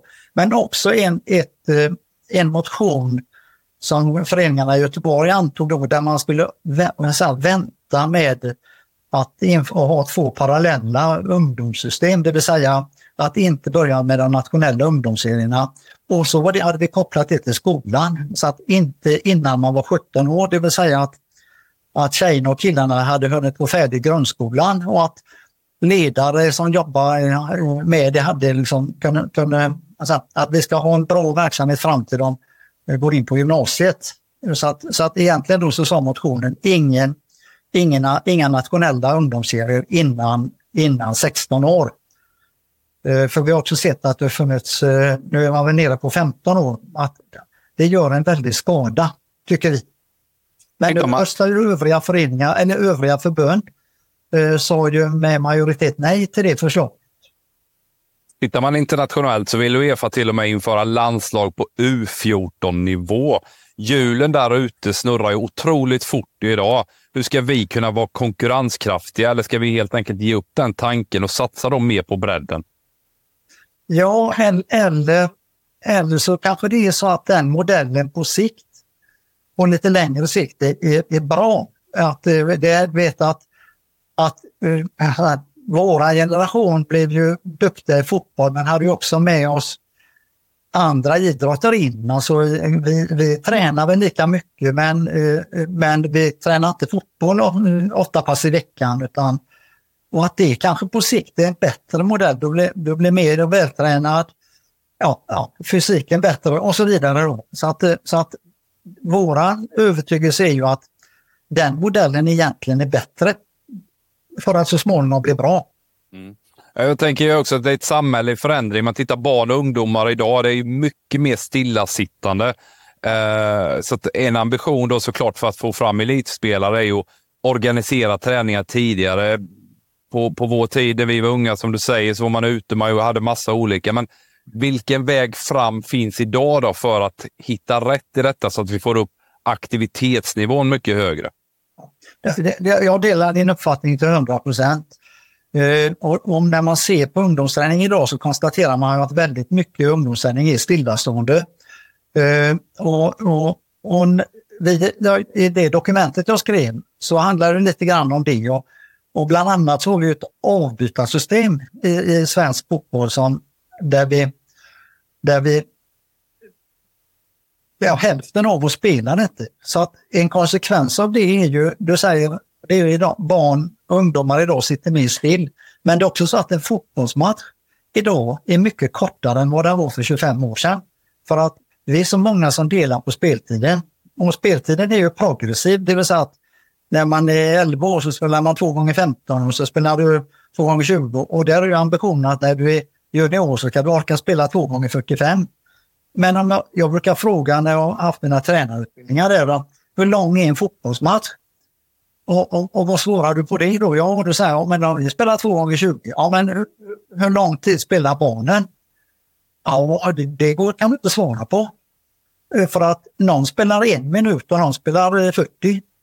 Och, och, och så, så, i det så här, ta bort avbytarna i, på ungdomssidan, alltså, eller minimera det så att när du blir uttagen till match så ska du få spela hela matchen. Du ska bli trött och ska, ja, det är som så. Så att det finns mycket att göra i befintligt system. Eh, där, som vi, där, där vi har eh, så här, hänsyn eller så har ett lag som består av sju som spelar och sju som står och tittar på. Det är bättre att ha eh, sju som spelar och så gånger två matcher. Mm, och lite sånt. Ja. Mm. Hur kommer det sig att, eh, att det är så svårt att nå en samsyn kring det här. Att när man pratar med dem från svensk elitfotboll eller vissa ungdomstränare i vissa klubbar så tycker de att det är väldigt tydligt att så här gör man utomlands, det ligger efter och så. Och sen pratar man med andra som dig och många i Göteborgs fotbollsförbund och så, så har ni en annan bild. Varför är det så svårt att få en samsyn? Vet man inte vad som ger effekt? Ja, men det är ju svårt, det är ju komplexa frågor. Och det, det är säkert så att för några är det bra att så här, jobba i akademi, akademimiljö, men för andra är det, är det inte bra eller optimalt utvecklande. Och, och då gäller det att ha båda spåren öppna eh, och inte liksom, eh, liksom låta dem konkurrera ut varandra på något sätt då. Eh, men, men så det blir också, Olof, det blir ofta så att det finns, man tror att det bara finns en sanning och att vi skulle må mycket bättre av att innan vi bestämde oss, så skulle, att man resonerar igenom och tittar på frågor från olika håll. Alltså det innebär det här eh, och det innebär det här och vad får det för positiva effekter och vad får det för negativa effekter? Och så, då tror jag man skulle kunna komma till samsyn. Men Svenska fotbollförbundet och Svensk fotboll har ju valt att, att själva dela upp det. Att du har en avdelning för bredd och en för elit. Och då kan du tala ett språk som är olika men, men man måste givetvis tussa ihop bredd och elitfrågorna eh, och komma ur det med, med någon form av konsensus. Och det görs ju inte. Om vi nu kör på med akademispåret, vad är riskerna? Är det då att vi får en, en smal spets så att säga, att vi tappar mycket av bredden? Är det det du vill varna lite för?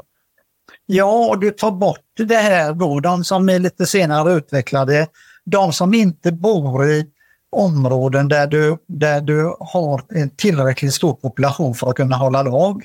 Och vi ser ju om vi tittar i Bohuslän och Dalsland, de har inga juniorserier kvar. Eh, och du ser det tydligt liksom att, att det innebär också att då, då får vi en fotboll som är koncentrerad till Eh, Stockholm, Göteborg, Skåne och så kanske då en, en, en kustremsa och några enstaka däremellan. Men, men vi får ju inte vi får ju inte en nationell fotboll på samma sätt. Det får vi inte. Och för mig det är också en, en fråga att ta in, liksom, tycker jag. att vad är, alltså, vad är, är det värt att vi blir eh, 17 istället för 19 på världsrankingen? Om vi samtidigt tappar folkhälsodelen och eh, så här, det vårt politiska uppdrag. Är, är det värt det? Eller, ja, hur, hur, skulle man eh, organisera? För nu blir det ju Svensk Elitfotboll som driver akademi och jag menar, Elitfotboll dam vill ju gå i den riktningen också, även om de inte har kommit lika långt med, med certifiering och så. Vem ska liksom styra de frågorna, hur svensk fotboll ska gå fram med akademier och liknande?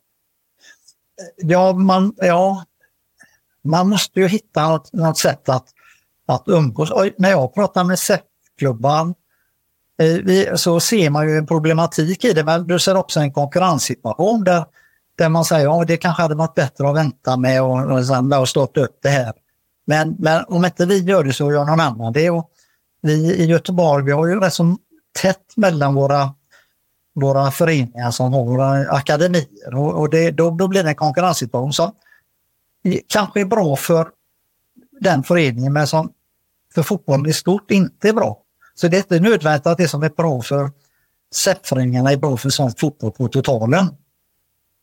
Om man då tar ett av de senaste stjärnskotten, Rooney Badaji, som ju inte ens Malmö FF som eh, ändå i Sverige har en väldigt bra verksamhet. De är väl i topp på ranking.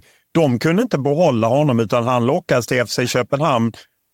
Delvis på grund av förutsättningarna han får där. Om svensk fotboll riskerar att tappa både tjejer och killar utomlands, hur, hur ska man göra då om man inte vill gå akademispåret?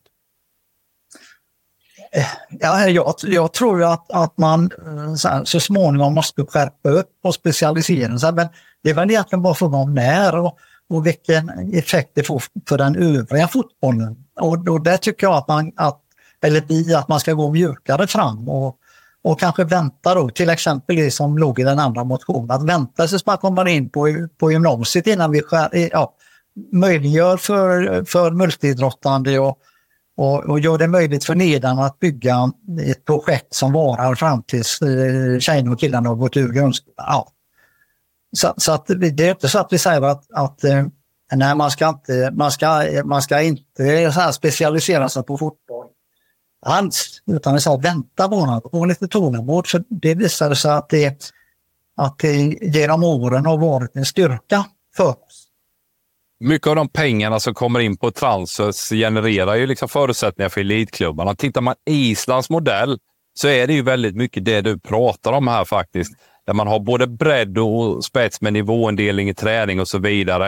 Eh, kommunerna finansierar eh, skjutsar och infrastruktur, de bitarna. Det är högre avgifter för föräldrar att betala för att barnen ska vara på den aktiviteten man, man, man väljer. Och, och, Samtidigt så har du det som Olof är inne på, att de bästa sticker väldigt, väldigt tidigt. Tycker du att det är över tid?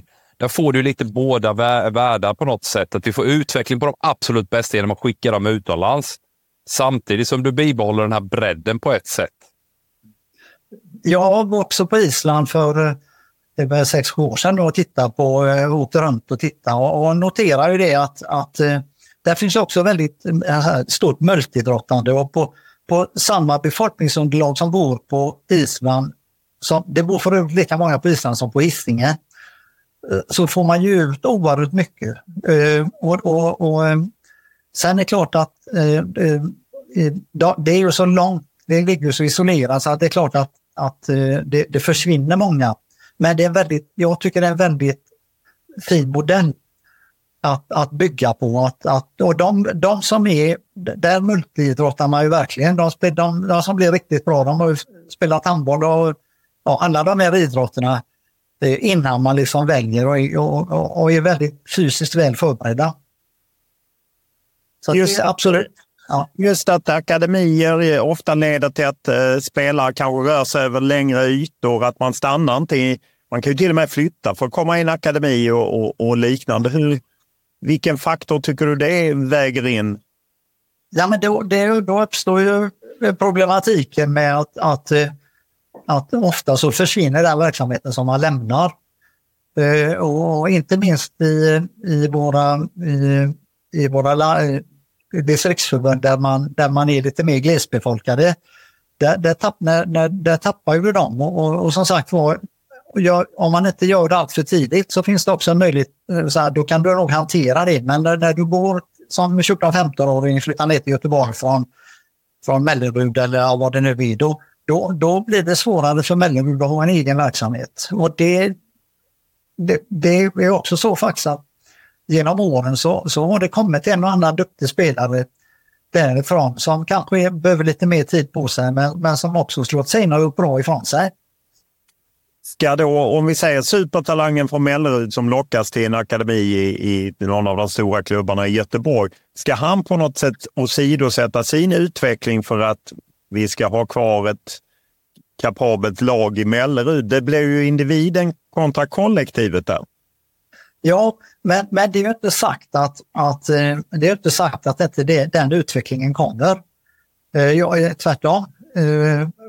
Då blir det också en diskussion vet du, kring vad, är det bra att när det, är det bara en som kan ha bollen. Spelar du Mellerud och du med tre duktiga spelare så har du säkert bollen lite mer och får göra lite mer arbete framåt och bakåt eftersom laget är lite ojämnare får ta ett stort ansvar. Spelar du en akademi med 11 kanonspelare, ja, då, är det ju, då, då får du svårare i den konkurrensen kring det. Du behöver inte anstränga dig lika mycket för att ta poäng eller vinna matcher. Det är också sånt att ta med på något sätt. Det låter lite gammeldags men, men det hade varit mycket bättre tror jag för svensk fotboll om, om varje lag bestod av tre, fyra duktiga spelare och så de som var lite mindre duktiga då för att då har du fått ta ett stort ansvar, få lära dig försvarsspel, anfallsspel, få lära dig att hantera vinst och förlust på ett annat sätt. Uh, ja. Den diskussionen som, som råder internationellt, även som vi haft eh, uppe flera gånger i den här intervjuserien med de vi intervjuat, det är ju att de bästa behöver träna och spela med de bästa och tävla mot de bästa. Och det i sin tur genererar då eh, en topp som är betydligt starkare än där vi är idag. Ja, men det är väl egentligen det som vi har gjort nu. Alltså det, de bästa ska spela med de bästa för att få ut... Eh, och jag är inte säker på det. Eh, jag, jag tror att, eh, att du, du, om, om du bortser från här, din omgivning, jag antar att du brann och, och hade i ditt lag i Habo en, eh, inledningsvis i vart fall en eh, spelstandard som var ojämn. Du fick ta ett stort ansvar och fick hantera många situationer. Vissa matcher när ni mötte att J Södra, då var det på med blåstället och jobba för att hålla nere. Ja, det tror jag du har med dig mycket av. Eh, så att jag är inte säker på att man alltid blir bäst för att vara med de bästa. Jag tror att du ibland ska vara med de som inte är så bra För, för då får du jobba med att utveckla andra kvaliteter. Eh, eh, ja, ja, precis det. Ja, men jag, jag, jag kan köpa det resonemanget. Jag spelar väl i tre olika lag där. Och det var ju en, en, annan. Jag hade ju en roll i, i, mitt eget lag, min egen ålder. Sen var det ett år äldre var jag lite sämre och i de två år äldre var jag såklart mycket sämre eh, än, än dem. Och då fick jag en annan roll. Och, eh, jag förstår tankesättet, men resonemanget internationellt eh, där man hör det är ju att, att eh, kan vi samla de bästa tillsammans så får vi också fram samspelthet. Vi får fram fler bra spelare som har tävlat varenda jädra dag hela tiden i flera års tid som gör att då också den, den absolut bästa toppen blir bättre. Ja, ja, ja det, det, det kan säkert hända, men jag tror också att du, att du missar mycket av det som fotbollen innehåller. Uh, att, uh, att det, om du alltid ja, du hanterar vinst och förlust och, och, och jobbar med skallen och, och liksom, så att, och, och, det är inte säkert att det som är bra för man säger, på internationell nivå är det optimala för svensk nivå för att vi har ju eh, vi har ju klarat oss genom åren i förhållande till vår population väldigt bra. För att vi har haft ett annat koncept. Och det kan man säga att om du ska spela som Brasilien, eh, om du blankar det, så är det, då har du väldigt svårt att slå Brasilien. Utan ska du vinna över Brasilien så får du spela på ett sätt som de inte gör. De är mycket bättre på det och de har större population att välja på. Så att, eh, och det är rätt intressant tycker jag i den diskussionen som är idag kring landslag och hur vi ska spela. Och nu sitter ju till och med eh, kända kommentatorer och säger att ja, vi måste eh, vi är för dåliga fysiskt, måste lägga mer kraft i ungdomsfotbollen på fysiken. Det var ju styggt att säga för ett antal år sedan. Men, men jag tror att man måste titta så att svensk fotboll, om vi ska nå framgång internationellt på landslagsnivå, så måste vi ha ett, ett koncept som bygger på det vi är bra på. Vi måste ha en bra målvakt, måste ha en väldigt bra organisation. Vi kan inte bli slagna av fysiken för då... Så, här, ja, så, så, det ser ut på ett annorlunda sätt för oss tror jag. Och då måste vi jobba med det. Men, men det är också intressant tycker jag med, med om du säger akademier. I, i, på något sätt har det också blivit en en, en, ett sätt att tjäna pengar för eh, föreningarna. Det gäller att få fram, få fram spelare och sälja dem och sen använda de pengarna för att köpa andra spelare. Eh, antingen på internationell nivå eller köpa hem, hemvändare. Vilket är så, så att, så att det används inte.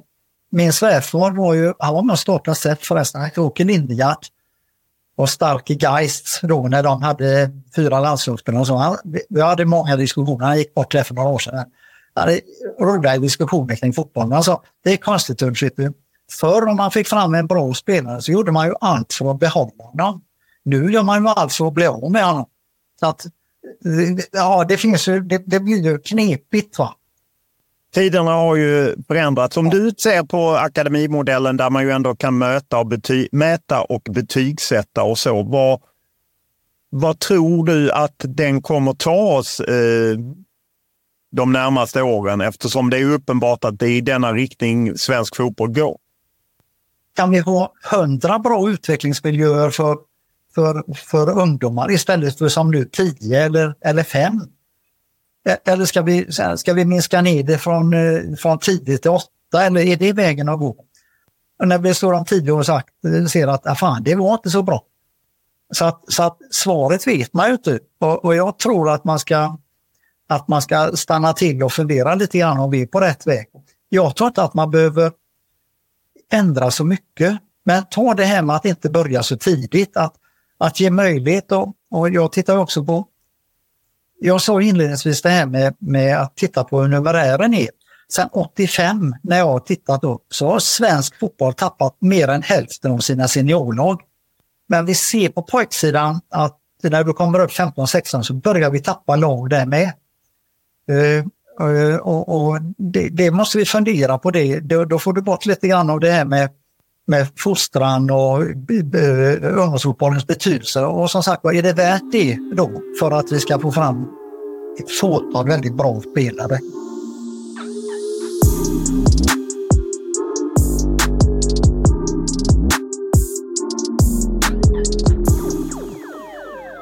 Efter att ha lyssnat på tre herrar som alla har lång och gedigen erfarenhet i, i fotbollsvärlden så kan man ju, kan åtminstone jag känna det där. Vem ska man lita på? Alltså, det är ju väldigt olika ingångar i och visar också hur komplext det här är. Eller hur upplevde du det?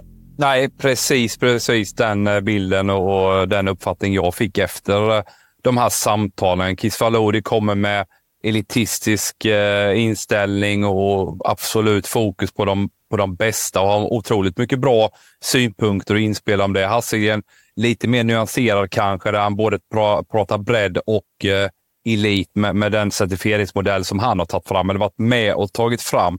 Ulf Karlsson brinner ju för det här med breddfotbollen och framförallt så, så är det ju skrämmande och nästan lite läskigt att höra hans story om hur mycket eh, lag som försvinner och, och han brinner ju framförallt för det här med folkhälsoperspektivet och även social hållbarhet i de här utsatta områdena som man pratar om i, i, eh, i Göteborg. Ja, och det tycker jag också att även om Ulf Karlsson lyfter frågor om, eh, om eh, verksamhet i utsatta områden och att eh, folkhälsoperspektivet så tror han ju också på att det här att om bredden försvinner så försvinner basen för svensk fotboll och han pekar på liksom att man kan göra på andra sätt. Att akademierna blir liksom en, en spetsning av det hela. Och där tycker jag det svåra, jag tyckte du hade en bra fråga till honom om det där att ska man bara liksom släppa iväg de andra? Ska man... Men det borde ju gå att göra både och, eller hur? Det borde ju kunna gå att, att bedriva breddverksamhet och lyfta det, men också ha det andra, eller? Ja, absolut. Jag, jag tycker om man knyter ihop både Kisvalode och Hasselgren lite grann med varandra så, så pratar ju Kisvalode om nivågruppering och, och det Ulf är inne på och inspireras lite av också, det, det när vi tar upp det här Islandsspåret, det är ju den här åldersöverskridande lösningen med A, B, C och D-lag som Elisabeth tog upp här för, i det här damavsnittet för, förra veckan. Eh, det tycker jag är en intressant lösning oavsett om det är elitspår eller större klubbar eller om det är lands, eh, landsbygds eh, eh, föreningar att kunna hitta rätt och inte låsa sig vid, vid en åldersgrupp som vi gör i Sverige. Det har man ju hittat rätt på Island, där flera åldersgrupper spelar tillsammans och sen hittar man en nivågruppering i respektive grupp så att säga. Ja, och den du hänsyftar till var Elisabeth Gunnarsdotter som jobbade med Kristianstad i 15 år. Hon var med i vårt avsnitt två av Blågul framtid. Eh, där hittar ni hennes utläggning om Island. Jag blev också lite glad av Thomas Hasselgren. Dels därför att han ingår i svensk elitfotboll och ofta när man har en position så är man lite försiktig. Men han var ju ändå tydlig med att när han jobbade i norska Vålerengen att han tyckte att det har stått stilla i svensk fotboll. Att, det, att man inte har varit framåt tillräckligt. Och jag tyckte också att han hade lite kloka sätt hur man kan försöka lägga träningar på helger för att folk ska få andra, eller ungar och ska få andra träningstider och de som verkligen brinner kan träna lite mer.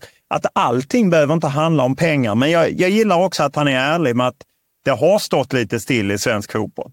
Ja, men det är också det är tydligt. Det exemplet han tog upp från, från sin tid i Norge, det är ju ett större centralt riktat stöd mot ungdomsakademierna. Och det är klart att när det går dåligt för A-landslaget så blir det ju någon form av snöbollseffekt. Att man eh, ska liksom ompröva beslut som har fattats och så vidare. Eh, de har inte varit i slutspel på otroligt länge, men, men ser man nu då den satsningen som gjordes för 6, 7, 8 år sedan, den börjar ju betala sig nu och, och bära frukt. Sen är man fortfarande inte i ett A-slutspel, men man ser ungdomslandslag som presterar betydligt bättre eh, för Norge än vad man gjorde för 10-15 år sedan. Och det går inte heller att säga att eh, bland eh, Premier Leagues bästa spelare finns både eh, Haaland och Ödegaard.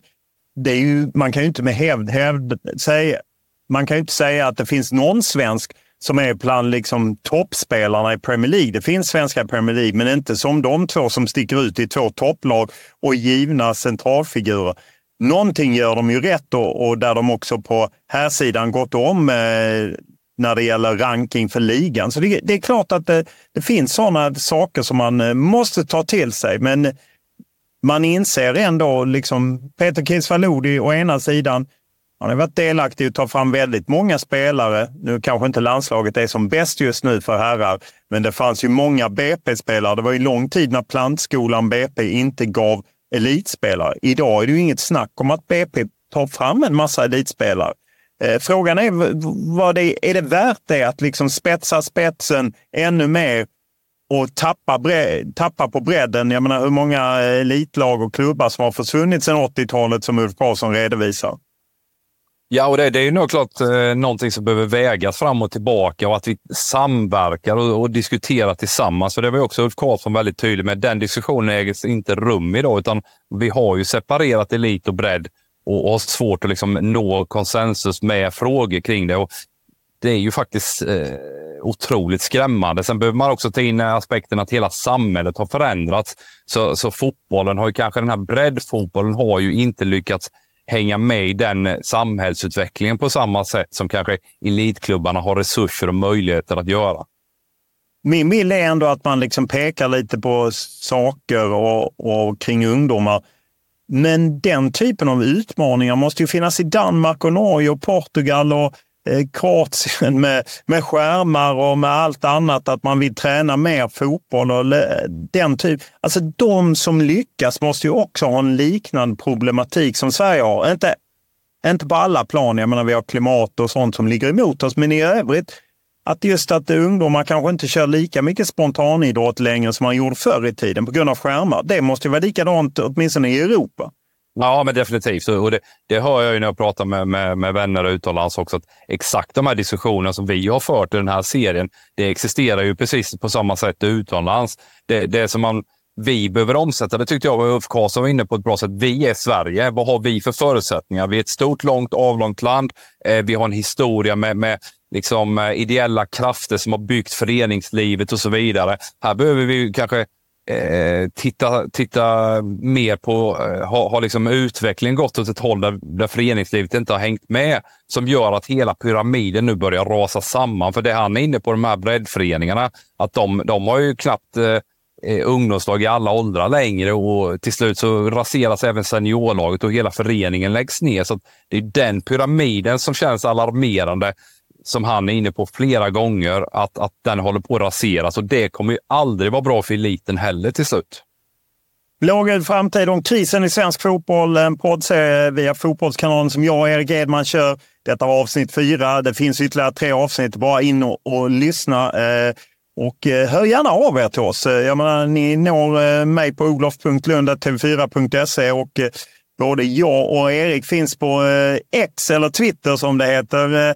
Eh, och det är inte svårt att leta upp oss. Och, ja, vi tar gärna del av era synpunkter och tankar om det här eh, eh, vi pratar om. För att eh, vi vill ha mer diskussion, debatt för att eh, ja, se om vi kan eh, bidra till att man vänder och vrider på allting så att det blir bättre för svensk fotboll, eller hur? Absolut, det är klart. In och kontakta oss. Då hörs vi igen på onsdag och fredag. kommer nya avsnitt hela tiden. Blågul framtid om krisen i svensk fotboll.